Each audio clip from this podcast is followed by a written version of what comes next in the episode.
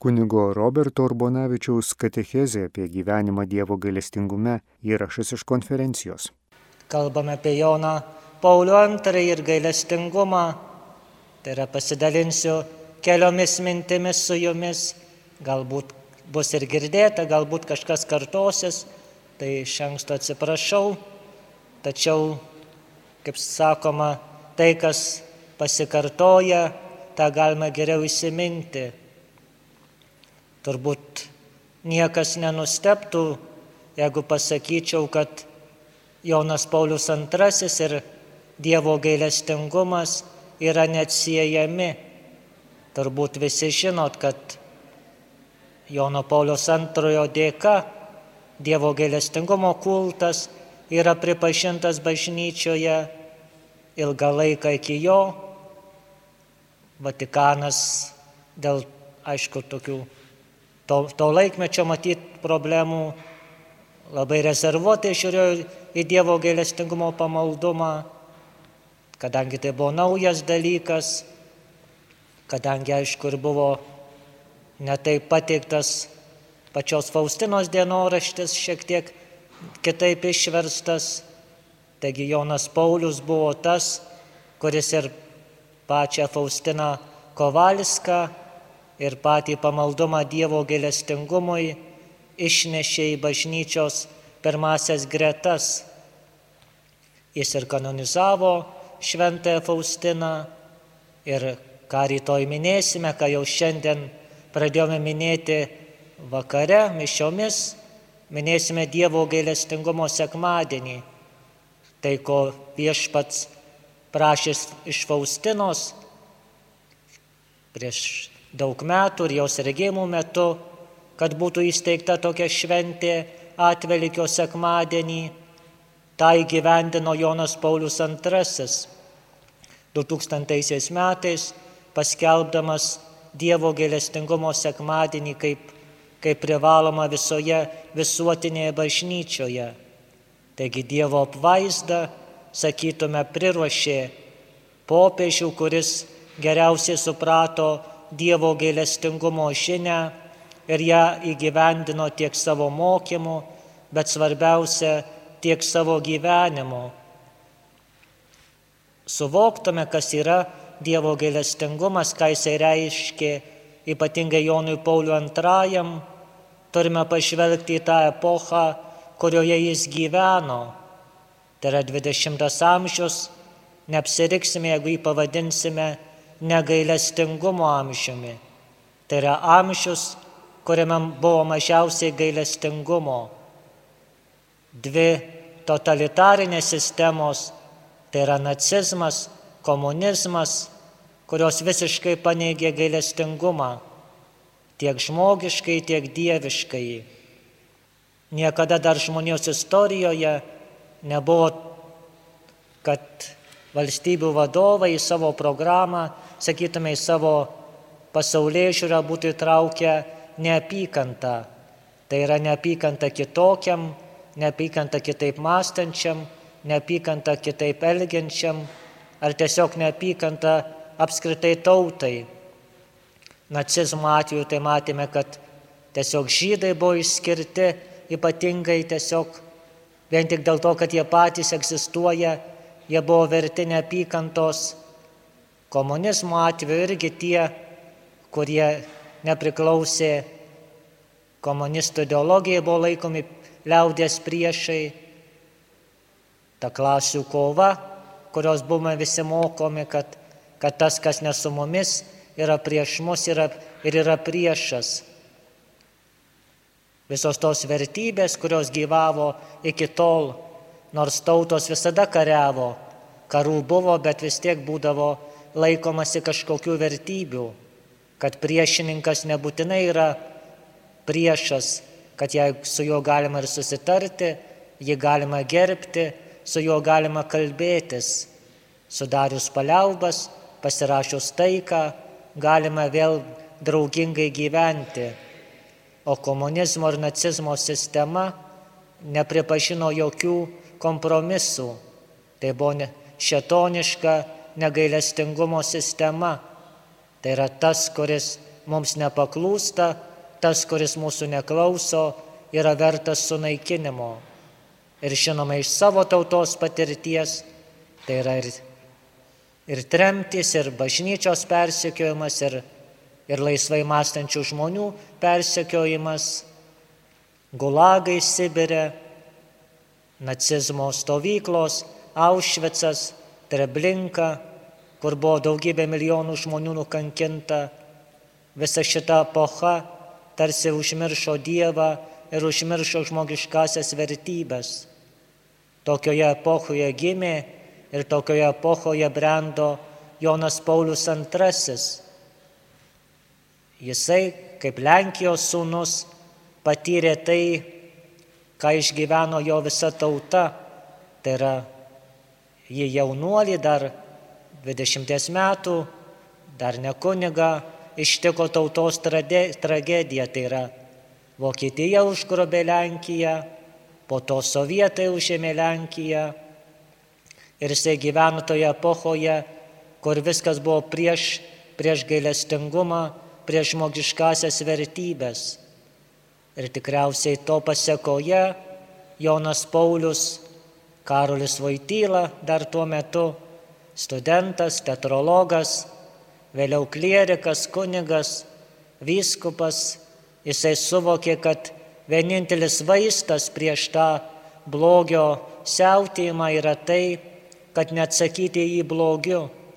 Jeigu į blogį atsakoma blogiu, tuomet to blogio daugėja, nesvarbu kokia tai būtų forma ar, ar prakeikimas, ar pasipriešinimas, smurtu ar dar kitaip. Blogis maitinasi blogiu, blogis maitinasi baime, blogis maitinasi abejingumu. Taigi Karolis Vaityla suprato ir suvokė, kad vienintelis kelias išgydyti tautų žaizdas, išgydyti žmonių širdis, išgydyti žmonių mąstymą, tai yra atsigręžti į beribį Dievo gailestingumą, kurį jisai atrado savo tautietės Šventojios Faustinos raštuose ir būdamas popiežium savo antrąją encikliką Devesin Misericordija jis ir skyrė Dievo gailestingumo slėpiniui.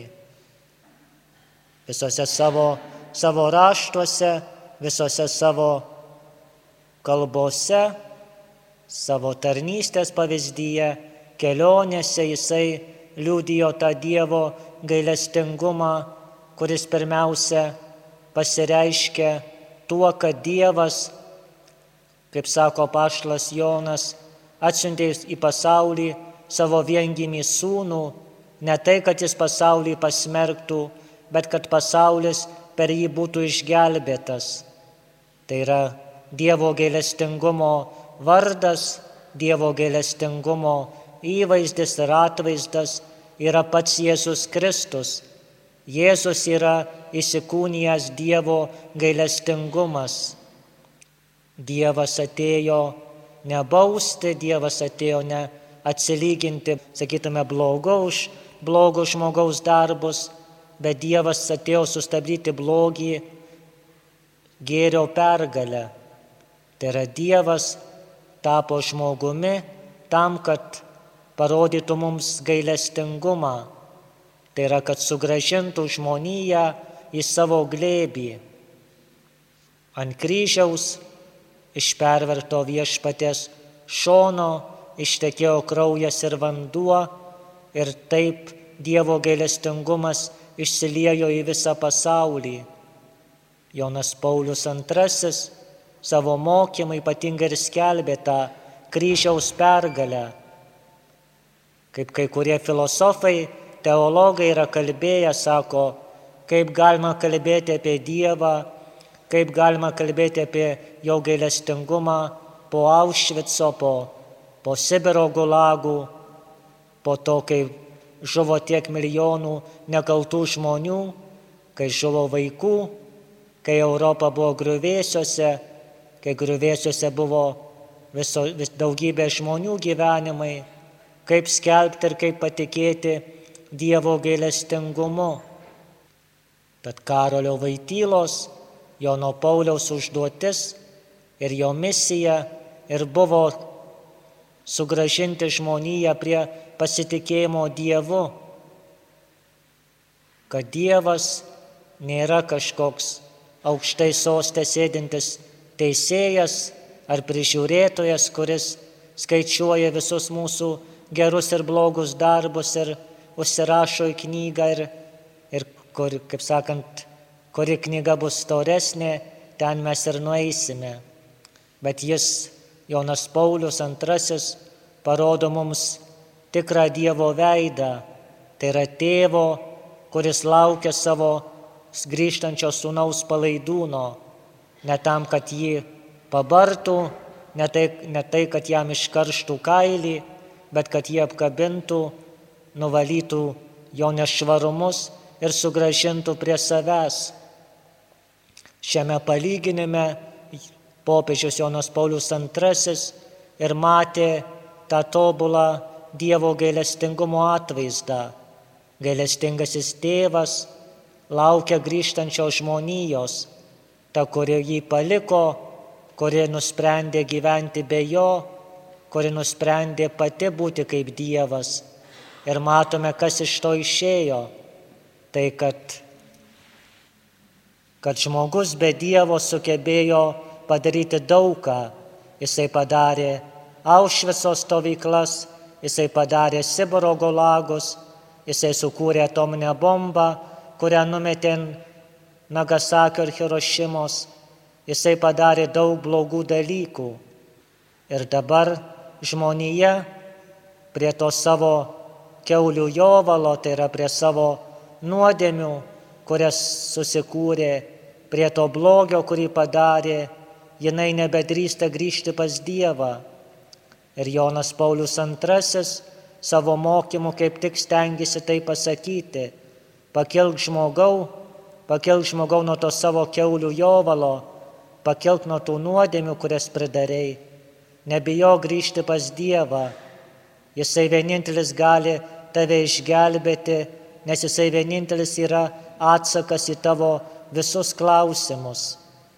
Savo kelionėmis tą dalyką Jonas Paulius II ir ypatingai stengiasi pabrėžti Jis keliavo ne dėl to, kad mėgo keliauti, kad buvo piligrimas ir, ir alpinistas, bet keliavo pirmiausia, kad popiežiaus asmenyje visom tautom liūdytų tą Dievo meilės ir Dievo gailestingumo žinę, nes geriausiai mus patraukia pavyzdys. Enciklikos Tikriausiai jas perskito nedaugelis. Daugelis žinom pavadinimus, bet, bet tikrai neturim laiko, laiko ir kartais noriu jas perskaityti. Pavyzdys, popiežiaus elgesys ypatingai mus patraukia ir sustiprina. Taigi Jonas Paulius II ir aišku kiti popiežiai, ypatingai dabar popiežius Pranciškus, tą patį daro, stengiasi savo gestais savo buvimu, savo elgesiu rodyti tą Dievo gailestingumą žmonijai. Tas geriausias pavyzdys, kurį turbūt visi atsimename ir žinome, tai yra, kai 81 metais, gegužės 13, per Fatimos Marijos šventę buvo pasikesinta į popiežių. Turbūt žinot ir šitą įvykį ir, ir išgyvenot jį Ir žinot kitą įvykį, kuris sekė po to, tik pasveikęs Jonas Paulius aplankė savo, savo žudiką, sakysime, Aliakdžą, tą, kuris turėjo jį nužudyti, tą, kuris buvo nusprendęs, kad Jonas Paulius II turi mirti. Aplankė ne tam, kad, kad kaip sakant, išbartų, pasakytų, kad aš tave ekskomunikuoju, kad tu čia kaip tau nepasisekė, aš esu gyvas, bet atlankė tam, kad praneštų jam, jog atleidžia. Tai yra labai stipri ir labai, labai paveiki žinia, daug stipresnė negu visos enciklikos, negu visos kalbos. Susitikti su tuo, kuris norėjo tave nužudyti ir apsikabinti jį. Šitas vaizdas labiausiai ir įkūnyje pirmiausia Jono Pauliaus antrojo misiją, bet kartu, kartu ir Dievo, Dievo, kuris ateina atleisti žmonijai, ateina atleisti žmogui, kuris jo įsižadėjo, kuris jį apleido, kuris jį paliko, kuris, sakytume, paskelbė Dievo mirtį.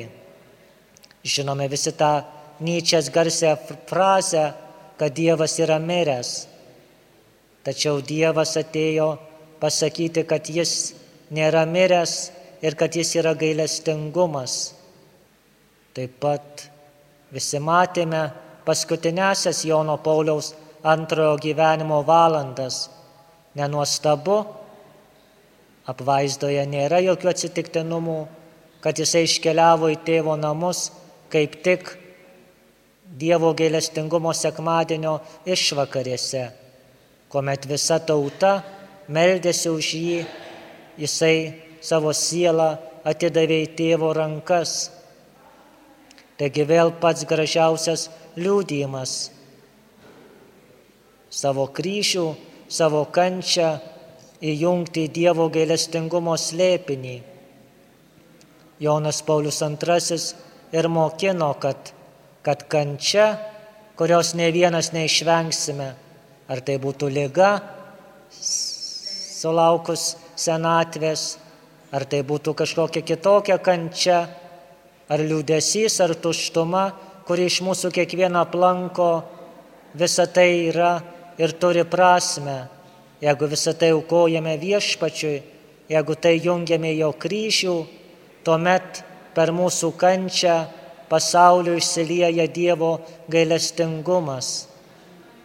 Kiekviena kančia yra atperkama, tai yra turi atperkamąją reikšmę ir atperkamąją galę. Jonas Paulius II savo pavyzdžių ir mokino nebijoti kančios, matėme, kad jisai iki galo nepasitraukė iš tos tarnystės, nors tikrai buvo sunku. Ir Parkinsono lyga jį sunkiai paveikė ir jau paskui nebegalėjau kalbėti, tačiau nusprendė išlikti iki galo, tam, kad ne dėl to, kad jam buvo brangita popiežiaus sostas, sakytume, niekaip nenorėjau paleisti, bet dėl to, kad norėjau žmonėje paliūdyti tą ištikimybę kad, kad ir kančioje galima skelbti Kristaus pergalę. Mes visi dažnai norime būti stiprus, norime būti stiprus ir kūnų, stiprus ir dvasia, tai yra tarsi, kad viskas mums sektųsi, kad, kad nuo mūsų žodžių atsiverstų šimtai, kad nuo mūsų maldų išgytų kiti. Tačiau Jonas Polius II puikiai parodė kitą, kitą kelią, tikriausiai artimesnį Dievui, kuomet mes leidžiame Dievui veikti per mūsų nepasisekimus, per tai, kur mes esame silpni, ar silpni kūnu, ar silpni dvasia, kad to ne neslepiame, bet atiduodame Dievui, kad Jis tai panaudotų. Apaštalas Petras labai gražiai sako, jūs esate išgydyti jo žaizdomis. Tai yra Kristus mus išgydė savo silpnumu, mus išgydė savo žaizdomis ir per jo žaizdas, ką šį sekmadienį minėsime, ateina Dievo gailestingumas. Jisai sako pašlui Tomui štai, įdėk pirštą į mano vinių vietas, paliesk mano šoną Šitas Jėzaus paliepimas paliesti jo šoną yra kiekvienam iš mūsų, nes palietus jo šoną į mus pradeda tekėti Dievo gailestingumo versmės. Popiežius Jonas Paulius II tą mus ir mokino sakydamas, nebijokite, nebijokite, atverkite duris Kristui, jisai nieko iš jūsų netima Jisai nori jums viską duoti. Šitie žodžiai skambėjo dar tada, kai, kai Europa kaustė šaltasis karas, kai stovėjo Berlyno siena, kai stovėjo geležinė uždanga atskyrusi rytų Europą nuo laisvojo pasaulio ir atrodė, kad tai bus visada, kad blogis, nepasitikėjimas visada triumfuos. Bet pamatėme, kad griuvo ir Berlyno siena, išnyko ir geležinė uždanga ir kad gėris visada triumfuoja, nes kryžiaus, kryžiaus pergalė yra, yra silpnume. Silpnumas tai yra leidimas Dievui veikti, leidžia jo gailestingumo išsilieti. Kaip apaštlas Paulius ir mūsų tautietis palaimintasis Jurgis Matulaitis tą pabrėžė Vince Malumin Bono, nugalėgi blogį gerumu. Tai yra vienintelis kelias pasipriešinti blogio viešpatystėj, nes blogis yra stiprus tik tiek, kol jo bijoma. Jeigu žmogus nebijo blogio, bet yra apsiginklavęs gėriu, blogis pralaimi. Ta paliūdėjo daugybė šventųjų, tą paliūdėjo pati Faustina Kovalska, kuri susidūrė su priešiškumu, skelbdama Dievo gelestingumo žinę, nes jinai, kaip žinot, gyveno tame amžiuje, kai labiau buvo pabrėžiamas Dievo teisingumas, kai reikėjo skaičiuoti savo gerus darbus, reikėjo skaičiuoti nuopelnus, kai tarsi buvo įsigaliojusi šventoji matematika, kad sudėjus gerus darbus su rožiniais aš galiu gauti dangaus karalystę. Tačiau Dievas nėra matematikas, Jisai kviečia, kad visą, ką mes darome, darytume iš meilės jam. Tik tuomet mūsų malda, tik tuomet mūsų auka, tik tuomet mūsų pastangos bus tikros.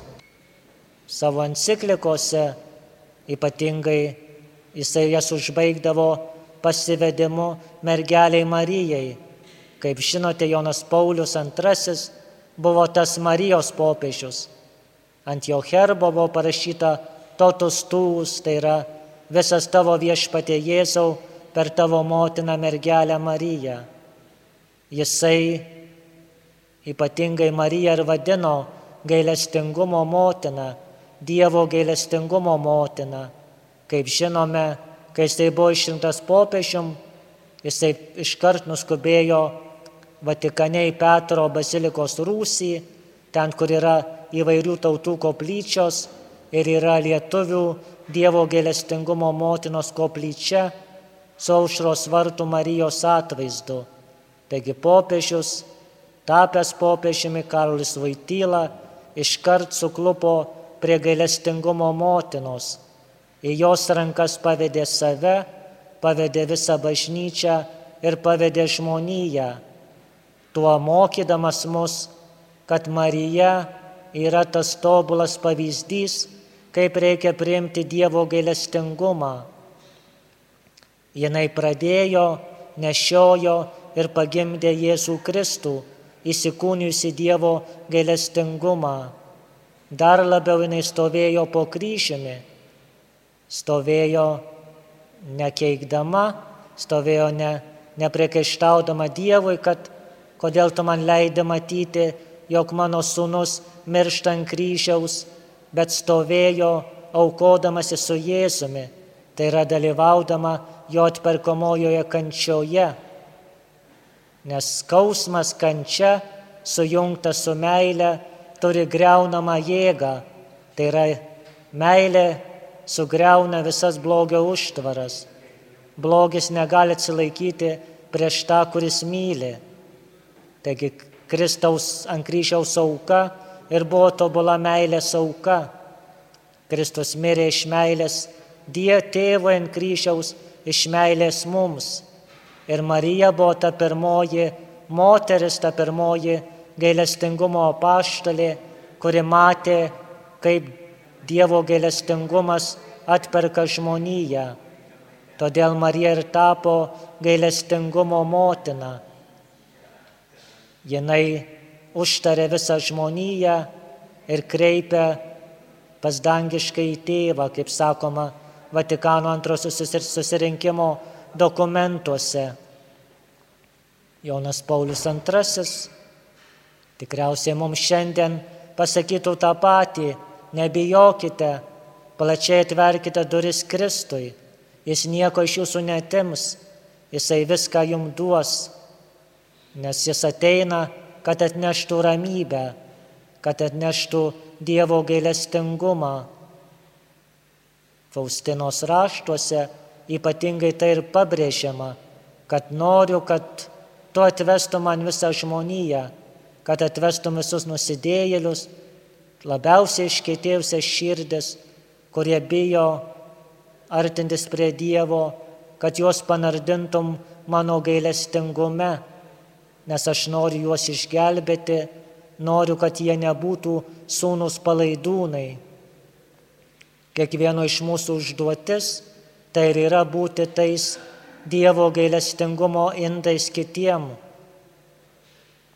Yra labai lengva pasmerkti, labai lengva nuteisti, labai lengva surušiuoti žmonės, kaip tai darė nacijų ideologija, komunizmo ideologija, kad čia yra savi, ten svetimi, čia liaudės priešai, o čia, čia gerieji, tačiau pas Dievą nėra tokių ribų. Jeigu mes kažką, kažkur brėžime ribą, tai žinokime, kad Kristus stovi už tos ribos, ne su mumis, bet su tais, kuriuos mes perkeliame į kitą ribos pusę. Dievo gailestingumas nori, kad mūsų širdyse nebūtų ribos, kad mes primtume kitą kaip brolį. Galbūt jis yra purvinas, galbūt jisai pakilęs nuo keulių jovalo, galbūt jo širdis yra mirusi, bet jeigu mes jį pasmerksime, jeigu mes jį nuteisime, tai nieko, nieko naujo nepadarysime, tik dar uždėsime akmenį ant jo kapo. O mūsų užduotis tai yra kaip tik sakyti, yra, yra vaistai tavo lygai, yra vaistai tavo negaliai, yra vaistai, kurie galėtų tave prikelti. Eik prie viešpatė žaizdų, glauskis prie jo atverto šono, paliesk jo šoną ir jau būk tikintis, nebebūk netikintis. Prašykime tikrai, kad Jonas Paulius II, mūsų mylimas popiežius, užtartų mus čia šio renginio dalyvius, kad ne tik mes pasiklausytume gražių kalbų, ne tik tai pasidėtume bažnyčioj, bet kad tikrai mūsų širdys taptų tais Dievo gailestingumo indais, kas yra svarbiausia, kad mūsų širdis taptų veidrodžiais, kurie atspindėtų Dievo meilę kitiem, suvargusiem, galbūt dabar priešiškiem, uždariem, bet nepažįstančiam Dievo kaip tėvo. Tas, kuris nepažįsta Dievo kaip tėvo, tas yra našlaitis. O visi žinom, kad našlaičių nėra būti smagu. Visi norime turėti tėvą, norime turėti motiną, norime turėti šeimą. Mes krikščionys, mes tikintieji, žinome, kad jau esame šeimos nariai, kad Dievas yra mūsų tėvas, Jėzus yra mūsų brolis, o motina Marija ir yra mūsų dvasinė motina. Visi žmonės yra mūsų broliai ir seserys, tad mums nėra ko liūdėti, mums nėra ko bijoti. Mes turime degti tuo troškimu, kurio degė ir popiežius Jonas Paulius II, kad tikrai visa žmonija galbūt ne visa žmonija, pradžioj galbūt mano kaimynas, ar mano dukra, ar mano žentas, ar mano draugas atvertų duris Kristui. Turime to melisti, turime to trokšti, turime to nuolat prašyti. Girdėjote kunigo Roberto Urbonavičiaus katechezę apie gyvenimą Dievo galestingume.